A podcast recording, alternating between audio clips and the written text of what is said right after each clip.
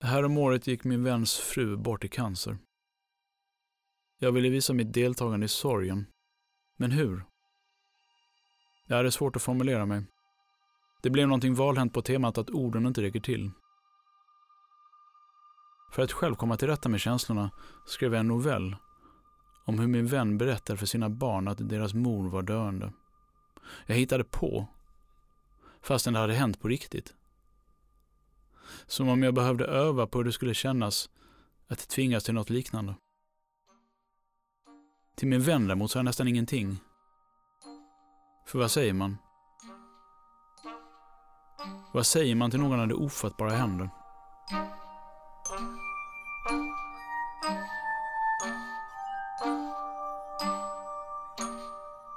Du lyssnar på Anekdot Essä, Konsten att beklaga. Skriven och inläst av Johan Fredriksson. Men när jag skriver det här rullar stridsvagnar på Europas gator. Efter sig lämnar de döda och lemlästade.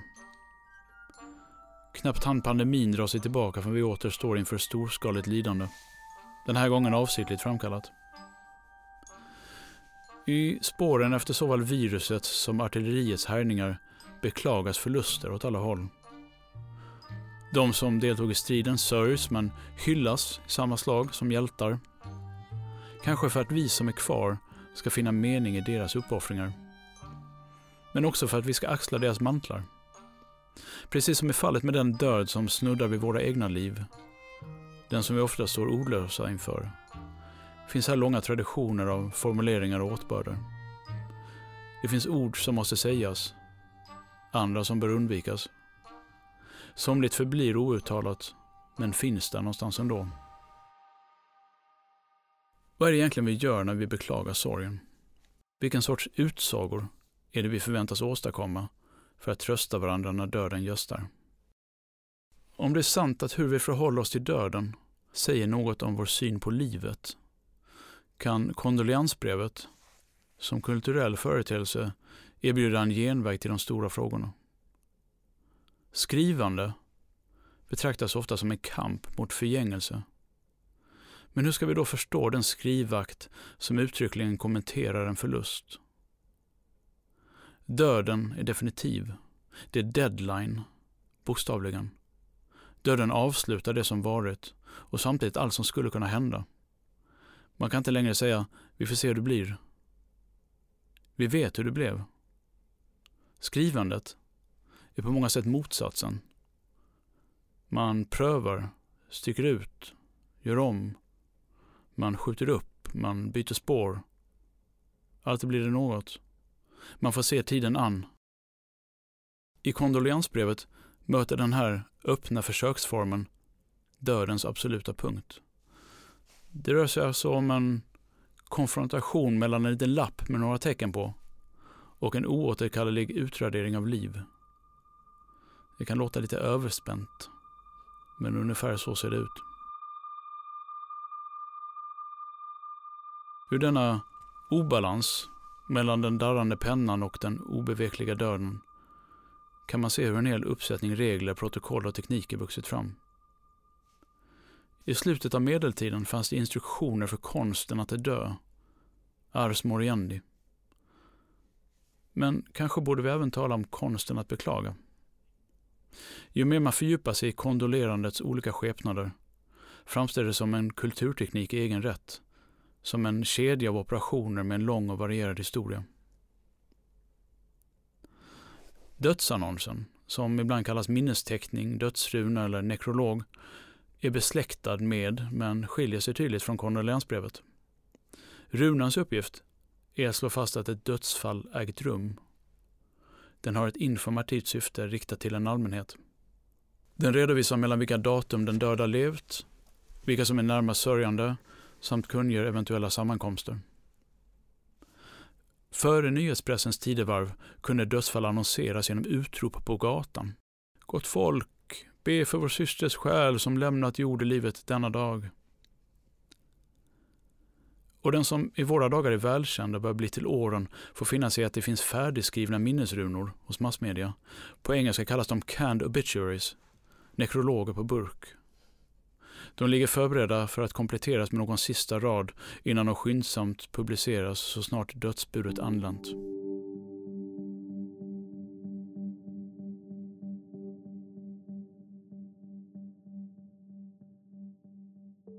Enligt Svenska Akademins ordbok kan ordet beklaga, i den mening vi här intresserar oss för det, avse både det att hysa medlidande och själva handlingen som ger uttryck ett sådant deltagande. Ett annat ord för beklaga är verbet kondolera, som är mindre vanligt. Kondolensbrevets formella uppgift är att uttrycka beklagan. Det kan därför ses som ett slags svar på dödsrunan, vilken blott meddelar det inträffade. Beklagandet kan också anta bokens form. När Storbritanniens förra premiärminister Margaret Thatcher gick bort i april 2013 kunde sörjande i Mongoliets huvudstad Ulan Bator under tre förmiddagar ta sig till det forna imperiets ambassad för att uttrycka sin bestörtning i en särskild kondolensbok. Om det på 1700-talet var praxis att undanbe sig beklaganden är det idag mer sällsynt. Vill någon skicka rosor att lägga på kistan brukar vi inte protestera. Ändå är det här med kondolenser inte okomplicerat. Att endast sända blommor är att välja den enkla vägen kan tyckas. Det är elegant men en smula opersonligt. Kanske rent av fegt. Att sätta något på pränt innebär att höja insatsen. Men hur gör man då? Vi står nu vid porten till kondolerandets labyrinter. När skickar man sitt kondolensbrev? Beklagandets timing är svår eftersom den är kopplad till sörjandets tidslighet. Vi tänker gärna att vi är förmögna att själva bestämma när vi sörjt färdigt. Men faktum är att döden, liksom livets alla övriga moment, har sina hållpunkter. Enligt de brittiska psykiatrerna Bowlby och Parks inflytelserika processmodell kan sorgarbetet delas in i fyra faser. Bedövning, när man är oförmögen att ta in det som hänt. Längtan, när man är upptagen av tankar på den döda. Förtvivlan, när man inser att den som dött aldrig ska återvända. Och till sist, omorganisering, när det som hänt kan accepteras och nya utsikter förnimmas.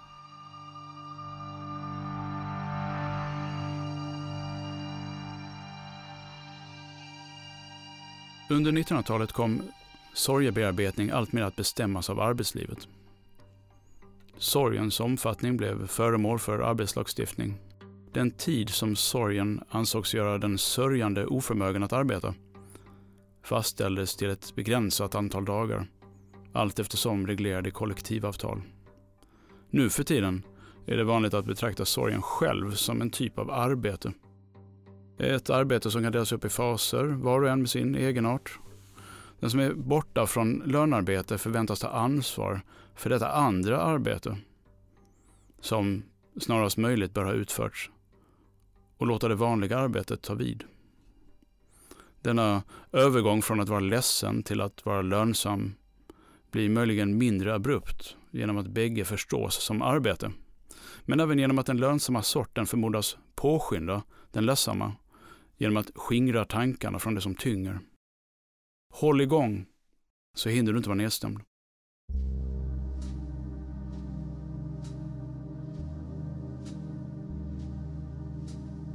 I USA har näringslivets tålamod för sörjandets tid ständigt minskat under 1900-talet.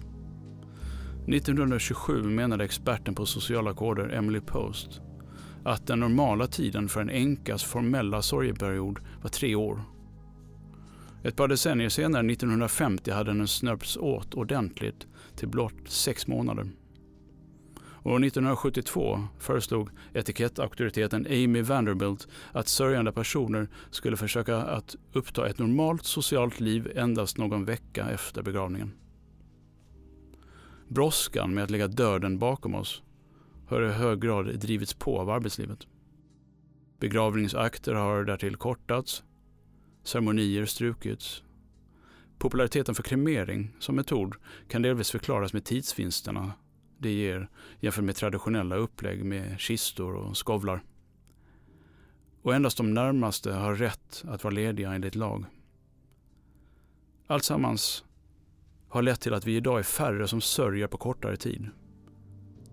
Det har blivit lite bråttom med döden.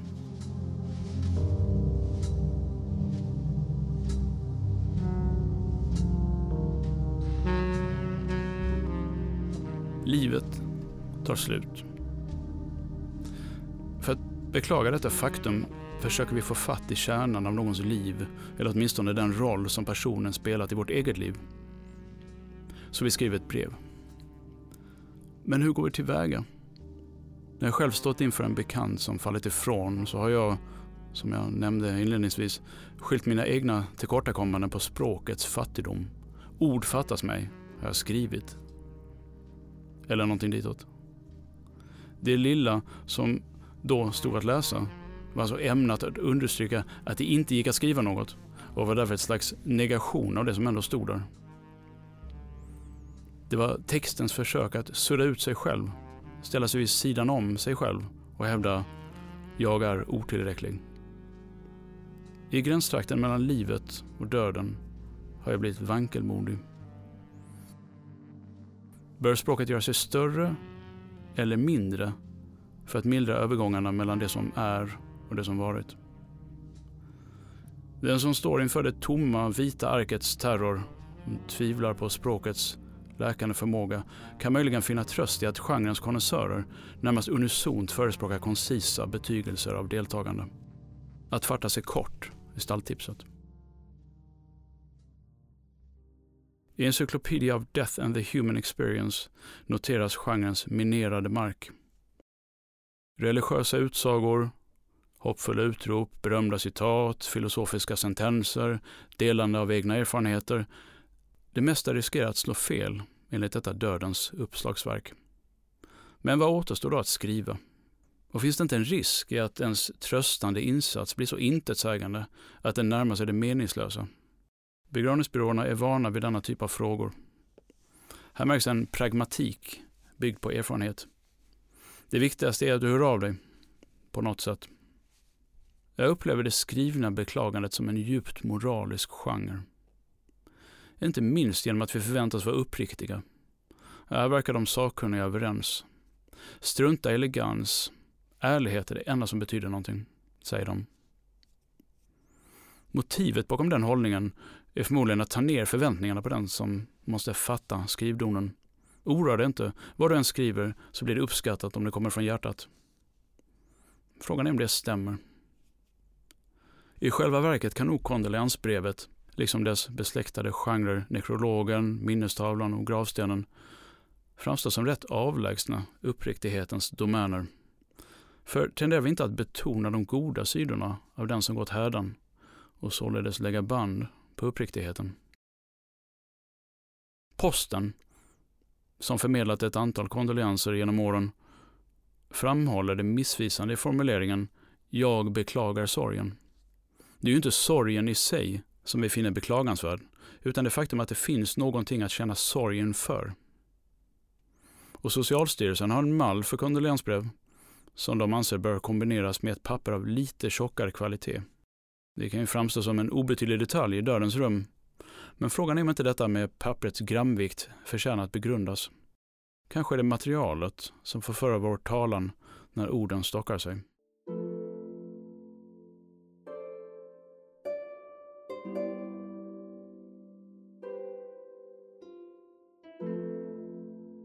Sorgen är till sin natur feg och låg. Det ansåg Montaigne, som i sina essäer från slutet av 1500-talet säger sig vara befriad från sorgen som lidelse och passion. Det hindrar inte att han återberättar legender om hur antikens människor hanterade stora förluster. Vid offrandet av Agamemnons dotter, den oskyldiga Ifigenia, saknade målaren konstnärliga medel för att uttrycka vidden av faderns sorg och valde att dölja hans ansikte i tavlan. Niobe, den grekiska mytologins främsta symbol för den sörjande modern, förlorar sju söner och sju döttrar. Sorgen drabbar henne så hårt att hon till slut förvandlas till en klippa. I dessa berättelser manifesteras sorgens outsägbarhet. Förlusterfarenheten är så överväldigande att våra uttrycksmedel kommer till korta. Vi suddas ut eller förstenas. Denna särpräglade tystnad kan även drabba den som är i färd med att ge sitt deltagande. Kondoleanskortens förtryckta fraser kan verka fantasilösa eller opersonliga. Men ställda mot förlustens stumhet fyller de ändå en funktion. Genom att låta den personliga sorgen tiga bakom konventionens trygga språkdräkt tar dessa nötta satser ansvar för det som måste göras, även när ingenting kan göras.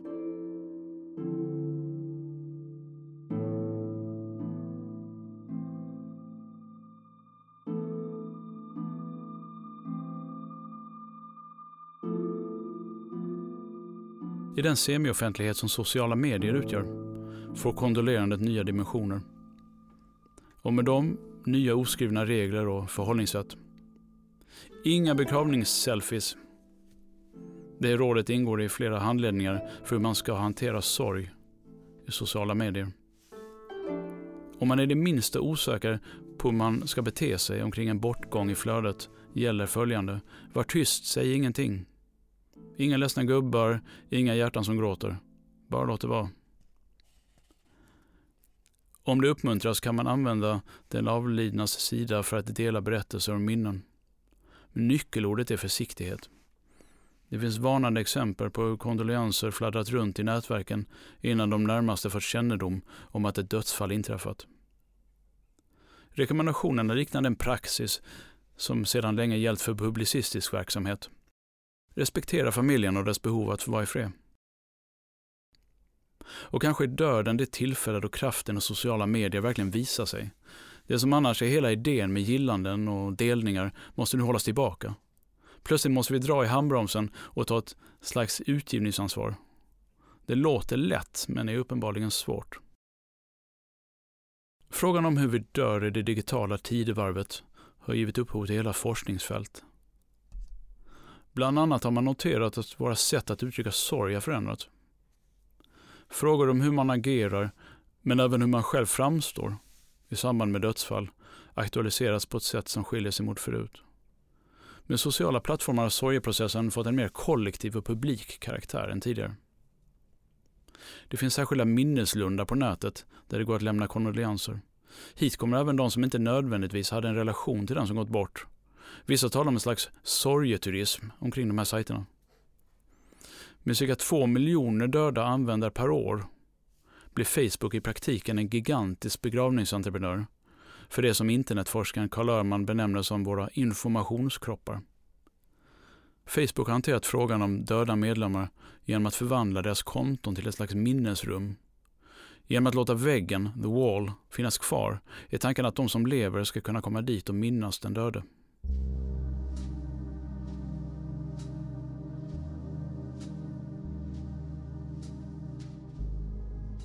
Att minnas, föreslår den franske filosofen Henri Bergson, handlar inte om att reproducera det förflutna utan om att skapa det förflutna i nuet. När vi samlas omkring en död persons Facebook-sida kan det förstås som en form av minnesskapande. Men det finns skillnader mellan en profil i sociala medier jämfört med mer traditionella former för offentligt sorgarbete som begravningar, mottagningar, gudstjänster och gravplatser. Många av oss har ägnat tusentals timmar åt att konstruera digitala jag. Online-persona som hör ihop men som ändå inte är exakt samma som våra identiteter utanför skärmen. När vi dör finns dessa avatarer kvar. De är knutna till inlägg, minnen, skämt, grupper, intressen, kontakter och memes. Det rör sig om dokumenterat utbyte som inte sällan sträcker sig flera år tillbaka i tiden. Dessa identitetsknippen kanske blir stummare när uppdateringarna uteblir, men de försvinner inte. Arkivet finns kvar. Forskningen menar att det får till följd att människors liv i någon mening utökas och förlängs. De fortsätter att existera tack vare att deras digitala spår finns kvar. Det de lämnat efter sig cirkulerar och repeteras. Med sociala medier är döden därför inte vad den har varit. Våra sätt att kroppsligen finnas till sätts i gungning. Ett av de fenomen som engagerat forskarna rör den extensiva kommunikationen som äger rum mellan efterlevande och de som fallit ifrån. Alltså inte mellan den närmaste familjen och den vidare cirkeln av berörda, som länge varit brukligt, utan mellan var och en av dessa och den som gått bort. Bland annat skickas stora mängder meddelanden till de dödas konton. De är adresserade inte till deras efterlevande utan till de avlidna själva. Som om dessa fortfarande ägde någon slags agens och var förmögna att ta emot hälsningar. Subjektformen blir något oklar, men genom den här korrespondensen uppträder de döda som socialt aktiva mottagare. Medieforskaren Amanda Lagerqvist föreslår att våra sätt att hantera döden online tydligt demonstrerar att vår existens är förbunden med tekniken. Det har den förvisso alltid varit.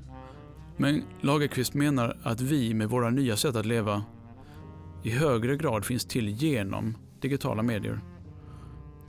Det betyder att vi inte kan skilja mellan kött och kisel eller mellan celler och bitar. Medier är infrastrukturer förvarat, som den amerikanska medieteoretikern John Dern Peters uttrycker saken. Och inte något som förmedlar livet utanför. Flera av praktikerna för att hantera döden i vår digitala tidsålder kan knytas till frågan om autenticitet. De liv vi lever på nätet, är de sanna? De online-personer vi lämnar efter oss, var det verkligen vi? Och hur är det med alla reaktioner när vi dör? Är de lika innerliga som de vi möter i kyrkan eller på jobbfikat?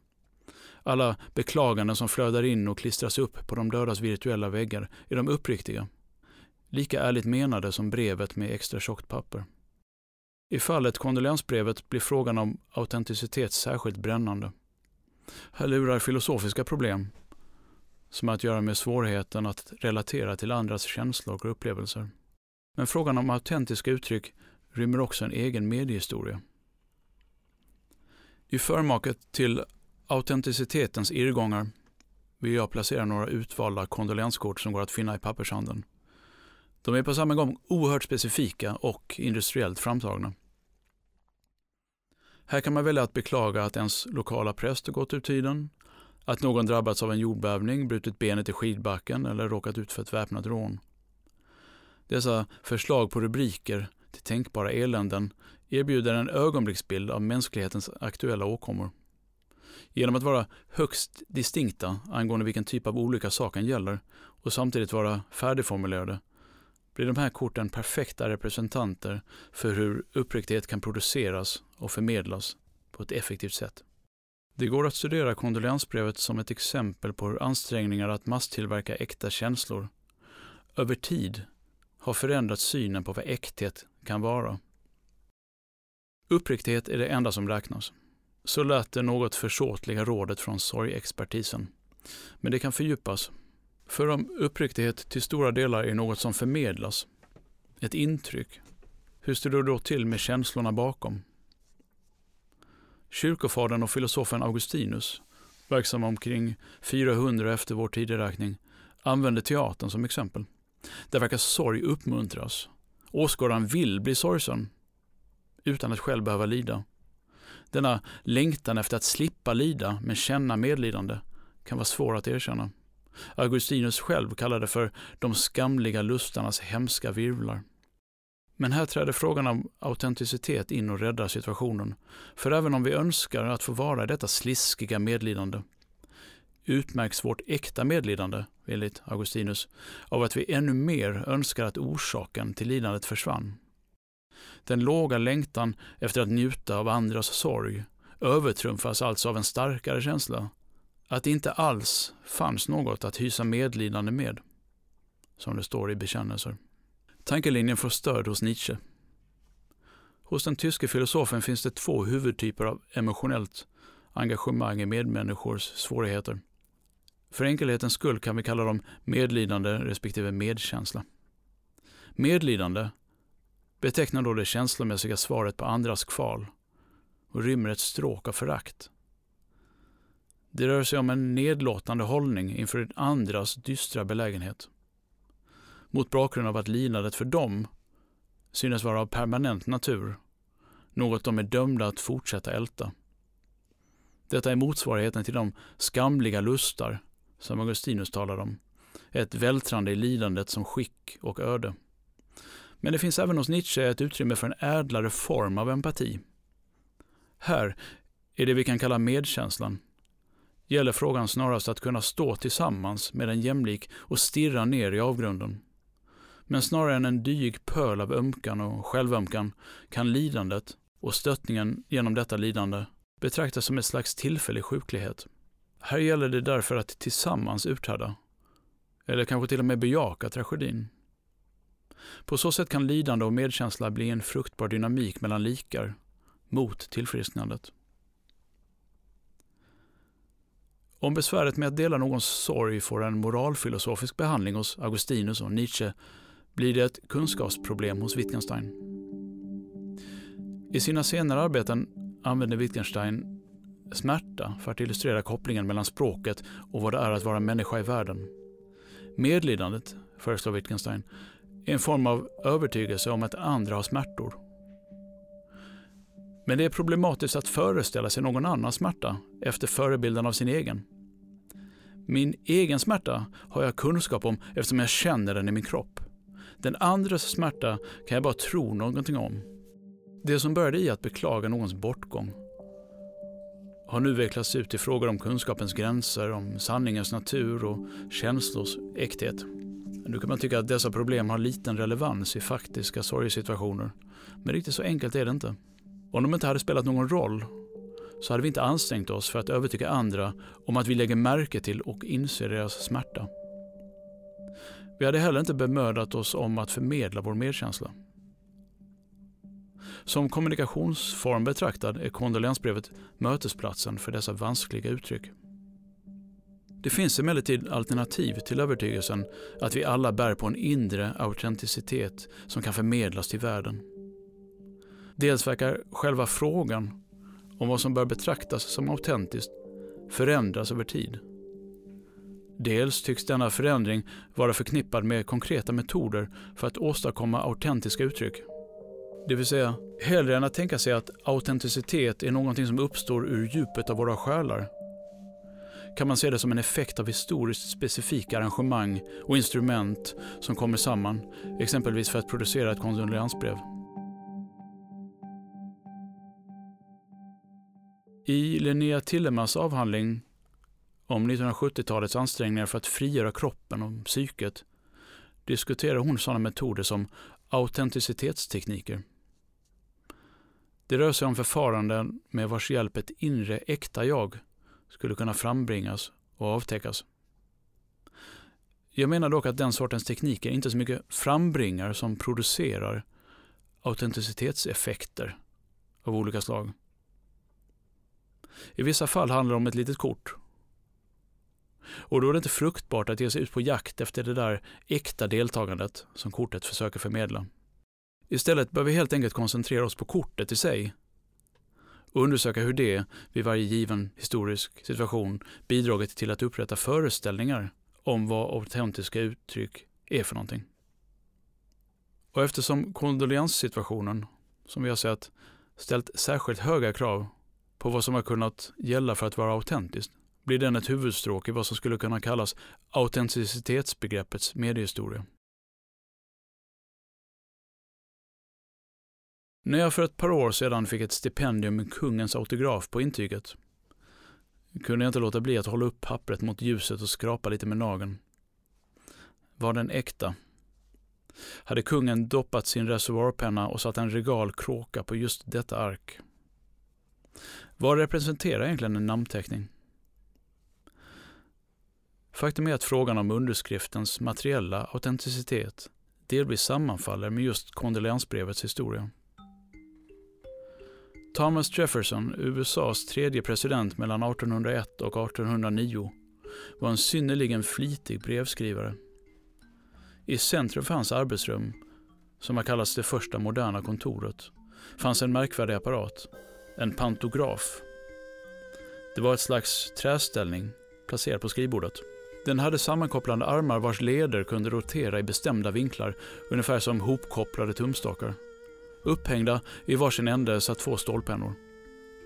När man skrev med en av dem replikerades rörelsen exakt i den andra.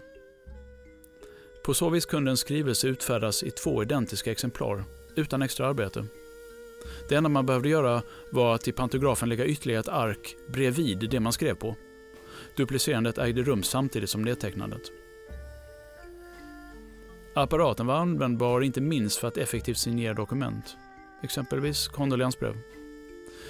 Och i synnerhet under tider då sådana behövde skickas ut i stora volymer. Men här inställer sig frågan, var båda autograferna Jeffersons? Medieteoretikern Mario Carpo diskuterar originalitetsproblemet mot bakgrund av att våra namnteckningar alltmer sällan duger i legitimitetssyfte och att uppgiften istället lämnas till digitala krypteringsalgoritmer. Till skillnad från dessa, som arbetar med exakta återgivningar, ligger det i den manuella underskriftens natur att vara olik alla tidigare underskrifter av samma hand, men ändå tillräckligt lik för att gälla som identifikation. Det är just förmågan att variera, men inte för mycket, som gör den autentisk. Eftersom den därmed kan knytas till en viss tidpunkt och ort. I det sammanhanget kan Jeffersons mekaniskt förda penna, pantografens spökhand, betraktas som ett tidigt steg mot en tilltagande mekanisering av hur äkthet skapas. På 1930-talet kom robotpennor i olika utföranden och sedan 1950-talet har eliter använt signaturmaskiner mer eller mindre flitigt. Eisenhower hade en, liksom Kennedy. Lyndon B Johnson använde sin så mycket att experter har haft svårt att hitta någon enda signatur som härstammar från hans vanliga penna.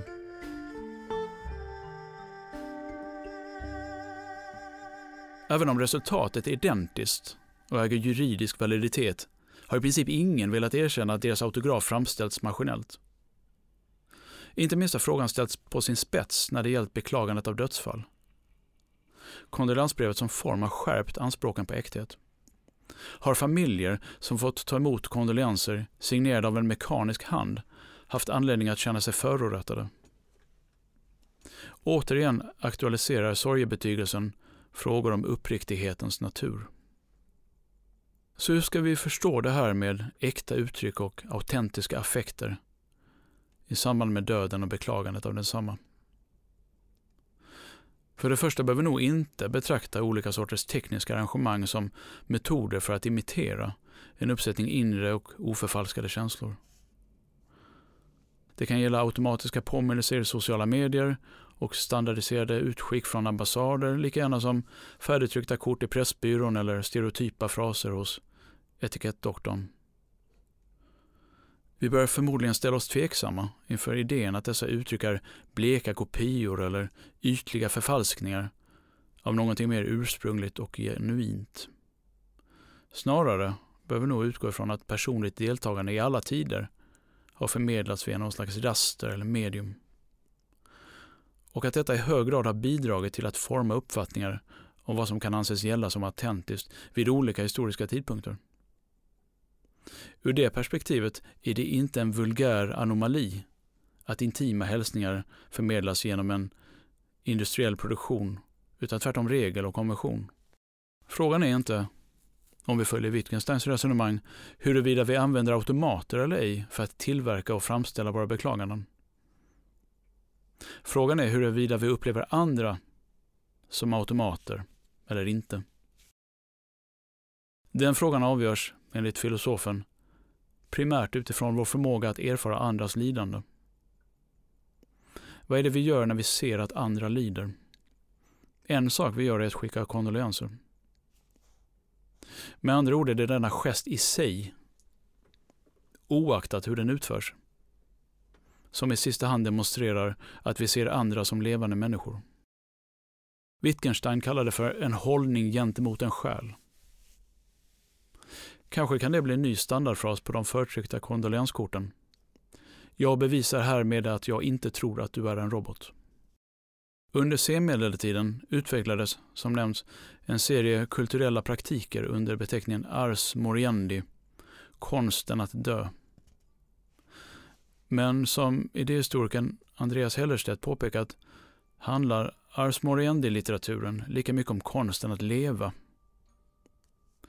om instruktionerna för hur man dör var riktade särskilt till sjuka, sårade och gamla vänder de sig lika fullt till alla människor eftersom vi alla någon gång ska dö. Till denna utvidgade förståelse av dödens konster kan vi lägga beklagandets kulturteknik. Kondoleansbrevets form är förment enkel. Dess innebörd tycks vara Jag vill att du ska veta att jag vet att du sörjer. Jag vet att du är närmare sorgen än jag. Därför är det min plikt att göra klart att jag känner våra respektive positioner på sorgens stjärnhimmel. Men det är ju samtidigt så att denna himmel inte är vad den varit. För vi som hör till de som minns och ännu lever har genom den dödes försorg kommit samman. Detta är den dödes gåva till oss som är kvar. Gåvan är en tom plats som vi tillsammans måste fylla. Till detta tomrum löper band från olika riktningar. Det är band vars förtöjningar brutits och som därför måste knytas om. Kondolensbrevet kan förstås som upprättandet av den förbindelsen. Vi kan därför tänka oss kondolensen som en kulturteknik med vars hjälp det skapas ett förbund mellan efterlevande. Och det i sig är ju ingenting att beklaga. Den här essän tillägnas mina framlidna kollegor Christer Johansson och Kim Scholager Nielsen.